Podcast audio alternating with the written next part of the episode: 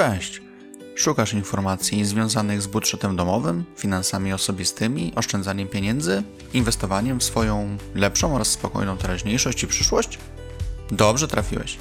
Ja mam na imię Adam, a to jest podcast Sposób na finanse. Finanse osobiste to ważna kwestia, o którą warto zatroszczyć się jak najlepiej. W tym podcaście podpowiem Ci, jak łatwo, szybko i skutecznie wprowadzisz swoje zarządzanie pieniędzmi na zupełnie nowy poziom. Zaczynamy.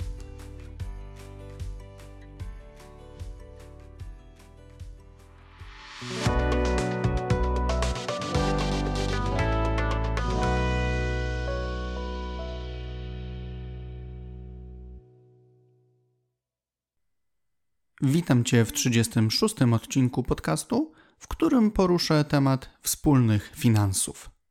Wspólne finanse to temat często trudny i wywołujący burzę emocji, niekoniecznie pozytywnych, gdy się za niego zabieramy. Jednak, chcąc nie chcąc, musimy zmierzyć się z tym zagadnieniem i przyjąć jakiś model działania z funduszami w związku.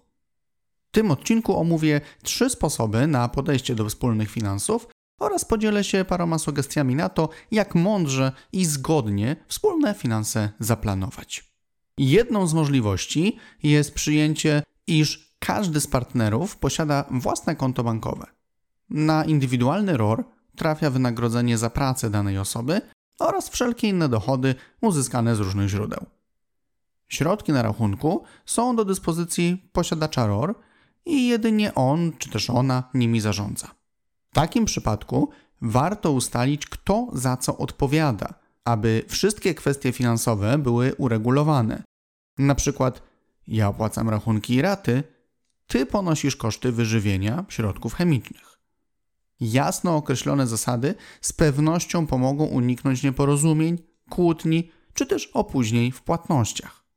Brak wspólnego konta nie oznacza jednak, iż nie prowadzi się wspólnego budżetu. Nadal warto uzgadniać wydatki, obierać wspólne cele finansowe, razem budować oszczędności. Nawet jeśli każdy z osobna miałby te oszczędności zbierać na własnej oszczędnościówce. Metoda razem, a jednak osobno, jak pozwoliłem ją sobie nazwać, ma jednak wady. Pierwszą, która przychodzi mi na myśl, jest dysonans, który może, choć nie musi, powstać w momencie, gdy jeden z partnerów zarabia więcej od drugiego. Jeżeli ta różnica w dochodach nie jest duża, to pewnie nie będzie to jakimś znaczącym punktem zapalnym. Jednak w przypadku, gdy jedna ze stron uzyskuje znacznie większe przychody, mogą pojawić się problemy i pretensje w stosunku do partnera czy też partnerki.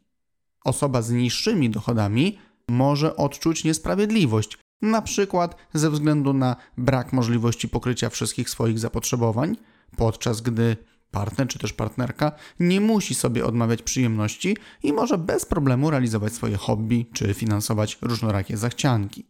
Dlatego tak ważne jest, by nie bać się rozmawiać o swoich oczekiwaniach, uzgadniać razem większe wydatki oraz starać się znajdować kompromisy i rozwiązania pozwalające na finansowanie potrzeb obojga partnerów.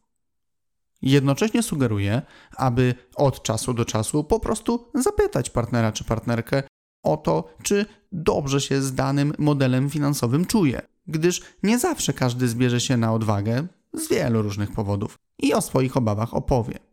Zaufanie, zrozumienie i wzajemne wsparcie z pewnością pomogą stworzyć stabilne, wspólne finanse, mimo że na osobnych kontach. Finansowe papuszki nierozłączki.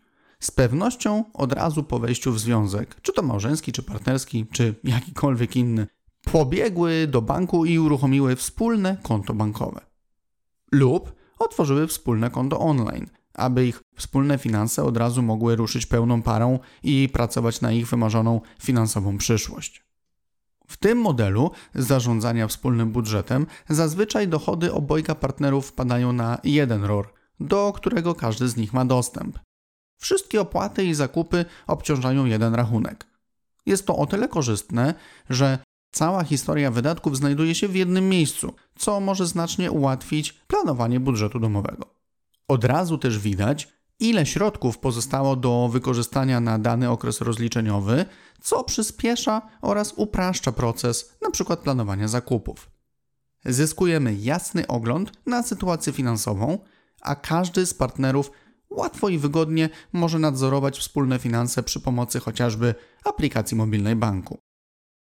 Aby nie było za kolorowo, to wspomnę, że takie rozwiązanie także niesie ze sobą pewne niebezpieczeństwa. Podobnie jak w poprzednim wypadku, różnica zarobków może wywołać w jednym z partnerów poczucie niezadowolenia, gdyż może uznać, że dokłada za dużo do tego interesu. Dostęp do pełnej historii wydatków z jednego konta może także utrudnić zrobienie niespodzianki partnerowi czy też partnerce, gdy chcemy pokryjomu kupić jakiś prezent, ale uświadamiamy sobie, że przecież powiadomienie o wykonanym przez nas zakupie natychmiast dotrze też na telefon osoby, którą planujemy obdarować. O autach hybrydowych, elektrycznych głośno teraz wszędzie. A gdyby tak zastosować hybrydę w finansach, Wspólne finanse da się prowadzić również bardzo skutecznie, przyjemnie i sprawnie z wykorzystaniem kilku kont bankowych. Przy okazji zaznaczę, że ja z żoną takie rozwiązanie właśnie przyjęliśmy. Każdy z nas posiada własne konto bankowe, na które otrzymujemy wynagrodzenie za pracę, a następnie wykonujemy przelew na wspólny ROR. Wysokość przelewu ustalamy na podstawie opracowanego przez nas miesięcznego planu budżetu domowego. Takie rozwiązanie pozwala nam zapewnić środki na wszystkie wspólne wydatki, np. opłata rat, zakup wyżywienia, regulowanie rachunków itd. Tak jak również pozostawić nieco środków na naszych kontach prywatnych. Dzięki temu dysponujemy funduszami na nasze drobne wydatki i do sposobu wykorzystania tych środków nikt nikomu się już nie wtrąca. Bez względu na wybrany model dzielenia funduszy w związku, Podstawą do tego, aby wasze wspólne finanse dobrze działały, jest zaufanie, szczerość, uznanie i szanowanie zdania oraz potrzeb drugiej osoby. To proste i oczywiste, jednak i tak warto o tym przypominać. Jest natomiast jeszcze kilka kroków, które można wykonać, by wspólne finanse wprowadzić na wyższy poziom i zapewnić sobie stabilność finansową. Na co dodatkowo warto zwrócić uwagę? Oto kilka moich propozycji. Ustalcie, co jest dla Was w finansach ważne i starajcie się znaleźć sposoby na realizowanie wspólnych założeń finansowych. Przedyskutujcie, jaka jest Wasza hierarchia wydatków, aby uniknąć niedomówień w zakresie tego, jaki wydatek ma pierwszeństwo, a jaki może poczekać. Zachowajcie otwartość na drugą osobę oraz jej punkt patrzenia na kwestie finansowe. Nie narzucajcie partnerowi czy też partnerce swojego finansowego światopoglądu na siłę. Ewentualne zmiany finansowe warto poddać pod wspólną rozwagę i dokonać najlepszych, obopólnie korzystnych wyborów. Policzcie waszą wartość netto, aby mieć pełniejszy ogląd na wartość majątku, który gromadzicie. Stwórzcie wspólną pulę oszczędnościową, na którą każdy z Was czasem wpłaci nieco grosza na przykład później móc z tych środków ufundować sobie miłe walentynki. Chociaż istnieją różne metody, które możemy wykorzystać budując wspólne finanse, to przede wszystkim nie zapominajmy, iż każda metoda jest dobra, byle obu stronom odpowiadała i każdy z partnerów czuło się z nią dobrze oraz komfortowo. Życzę Wam poukładanych, stabilnych i nieobciążonych nieporozumieniami partnerskich finansów. Dziękuję Ci za wysłuchanie odcinka.